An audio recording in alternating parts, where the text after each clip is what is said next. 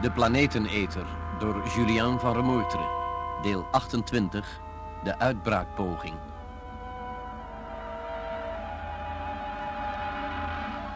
Ik ben nu gekomen aan het laatste gedeelte van mijn wel zeer lange verhaal.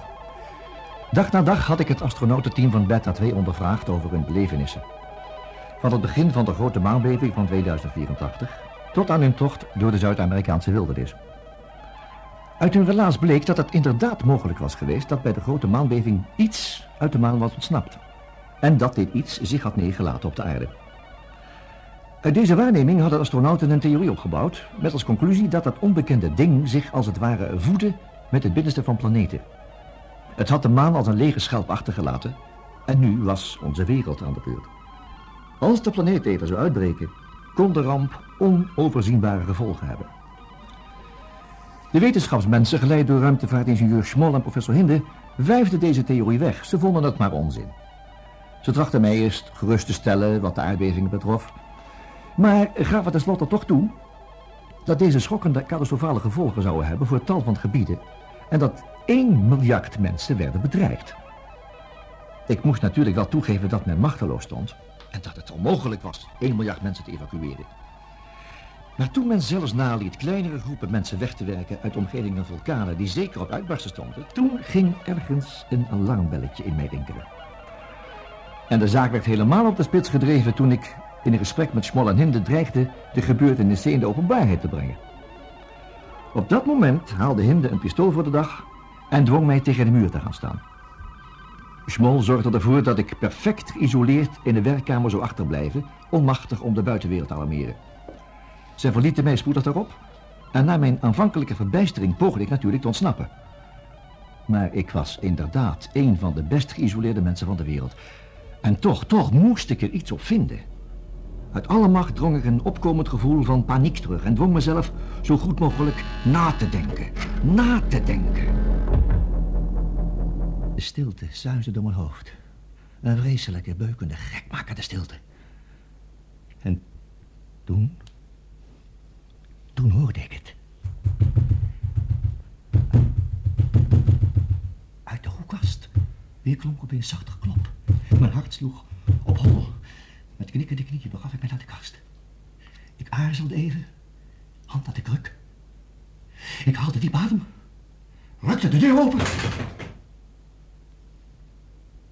Op de vloer van de kast lagen als pas ontwakend uit een diepe, diepe slaap ruimtevaartingenieur Schmol en professor Hinden. Oh, oh, ik ben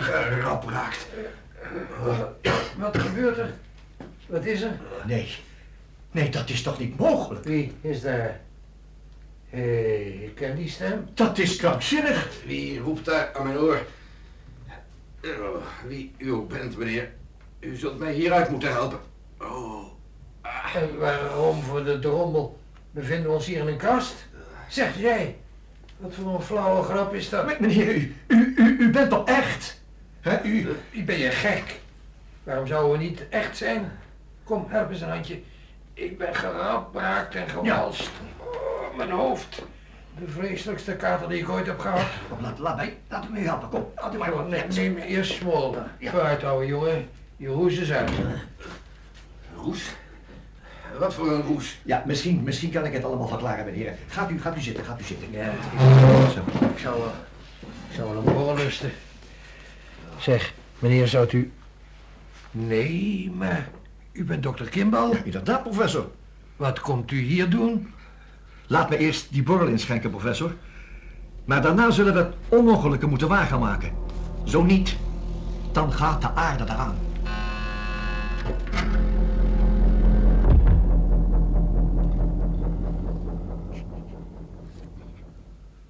Ik, ik hou het hier niet langer uit.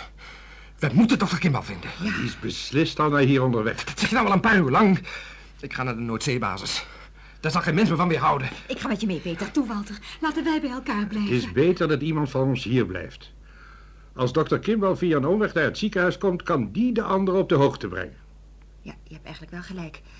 Nou, zullen wij er maar? Ja, blijf jij maar bij Walter, Greta, ja. oké? Okay? Kom, kom Erika. Zorg goed voor jezelf, Peter. Ik, ik ben bang, Walter. Dat, er klopt iets niet. Ach, jij ziet overal spoken.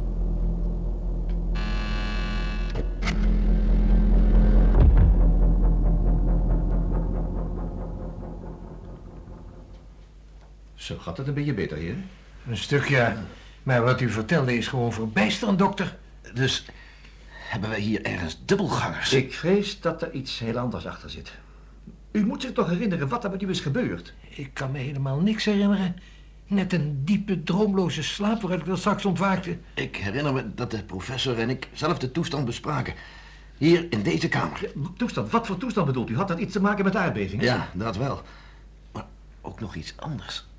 Ik, ik, ik weet het echt niet meer. Laten we de zaak eerst nog eens even reconstrueren, dokter. U beweert dat u ons vandaag kwam opzoeken met de bedoeling ons te interpelleren over zogenaamde valse gegevens die we u zouden gegeven hebben. Ja? En u hebt ons hier ontmoet. Na het gesprek wou u woest naar buiten lopen, maar ik verhinderde u dat. Onder bedreiging van een pistool nog wel. Trouwens, u kunt toch zelf van nagaan dat we hier volledig van de buitenwereld zijn afgesneden. De deur is elektronisch gesloten, de verbindingstoestellen werden onklaargemaakt. Maar het is toch niet mogelijk dat u ons naar buiten zag gaan terwijl u ons korte tijd daarna ontdekte in die hoekkast? Ik vrees dat ik evenmin als u een verklaring heb, professor. Dit is een volkomen raadsel. We moeten hieruit ontsnappen. Weet u, weet u hoe het deurslot in elkaar zit? Ik zal het eens even bekijken. Ja, of, of, of een venster? Kunnen we geen enkel raam open? Nee, nee, nee, nee, geen enkel. Ik heb alles al geprobeerd, alles. Dat slot, dat... Nee, dat lijkt me niet te doen.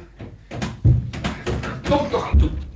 Ja, misschien klinkt deze vraag u absurd in de oren, maar...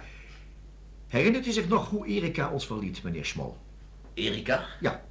Welke Erika? Zegt u nou toch niet dat u Erika Blanker niet kent, de astrofysica? Oh, ja, ja. Nou, en wat was er met haar? U verleent haar toch ontslag uit de ruimtevaart? Ik? Toen nou.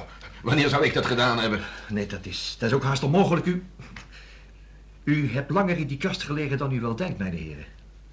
Luister. Iets of iemand heeft u overweldigd, letterlijk en figuurlijk. Hij maakte zich meester van uw geest en mat zich daarbij een fysieke vorm aan, identiek aan de uwe. Dat, dat, dat kan toch niet? Ik geloof dat we hier knettergek aan het worden zijn. Ik ben bereid veel te geloven, maar ergens houdt het toch op, dokter? Denkt u nou dat ik u in die kast heb gedeponeerd om u later weer uit te halen? Dat heeft toch... Toch, nee, het heeft geen zin om nu een uitbraakpoging te doen, meneer Smol. Het is het belangrijkste nu dat u zich herinnert wat er met u is gebeurd. Gelooft u mij toch, ik heb het gevoel dat het lot van onze hele aarde op het spel staat. Ja, goed, maar als ik nou zeg dat ik me helemaal niets herinner... Het enige wat ik weet is dat, dat Hinde en ik ons bezorgd maakten over het stijgend aantal aardbevingen. Hé, hey, wacht eens even. Hadden wij het niet over een onbegrijpelijke massaverplaatsing binnen in de aarde? Weet je nog, Smol? Inderdaad, ja. Een massaverplaatsing naar de Zuidpool toe. Een uniek feit in de geschiedenis van onze aarde. Maar een feit met grote gevolgen. Bedoelt u dat, hoe moet ik het zeggen, dat er binnen in de aarde een gewichtsverschuiving plaatsvond en dat opeens de Zuidpool veel zwaarder ging wegen dan de rest? Ja, dat is wel niet wetenschappelijk uitgedrukt, maar zo kun je toch wel duidelijk, een beetje verduidelijken althans. Ze hebben dus toch gelijk! Mensen, de planeet heeft bestaat! Hij bestaat en we moeten hier uitzien te komen. Heren, heren, u moet iets bedenken. Ik ben graag bereid iets te doen om dit blijkbaar onzalige oor te verlaten, maar ik kan geen muren verpulveren. Hinde, jij ook toch? Roken? Ja, ja, af en toe een sigaar, waarom? Ik heb een idee. Kom, geef een sigaar en een aansteker. Vlug. Hé, hé, hey, een beetje rustiger. Je scheurt me mijn kleren van het lijf. Snel, steek een sigaar aan en laat hem verdomd fel roken. Dokter, help me eens even de tafel ja, te versjouwen. We moeten die onder de branddetector krijgen. Prachtig gezien. Je wilt die detector aan het werk krijgen, hè? Stom van me dat ik daar niet eerder aan gedacht heb. Dus ze zullen ons komen bevrijden. Dat hoop ik. Nou, kom met die tafel. Vooruit. Ja, ja, ja. Ja. Zo, zo is het ver genoeg. Nou, geef hier die sigaar, Hinde. Ja, kruip eerst op de tafel. Nee, nee, nee, dat doe ik wel. Dat doe ik wel zo. Zo. Nou, de sigaar, professor. Alsjeblieft. Hou hem precies onder de detector. Als het lampje gaat branden, dan rinkelt de alarmbel. Laat het dan dadelijk branden. Nog dichterbij, dokter. Ja, ja, ja, zo. Daar gaat het. Schitterend. Nu krijgen we dadelijk de mannen van de wand weer.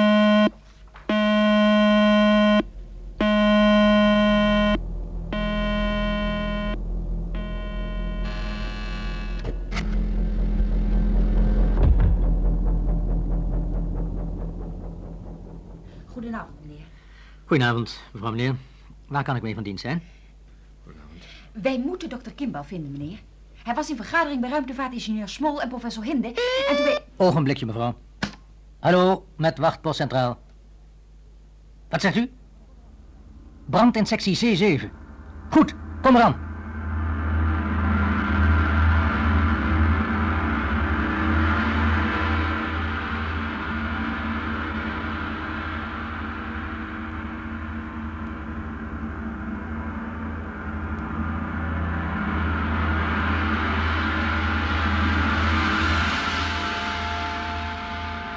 Jullie hebben geluisterd naar het 28e deel van de Planeteneter door Julien van Remoeteren, de uitbraakpoging. Rolverdeling, Dr. Karel Kimbal, Jan Borkes.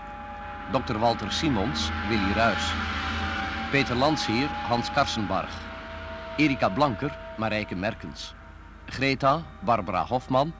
Professor Hinden, Frans Somers. Ruimtevaartingenieur Schmol, Paul van der Lek. Portier, Donald de Marcas. Technische realisatie, Ton Prudon, Beer Gertenbach en Bram Hengeveld. Regie, Bert Dijkstra.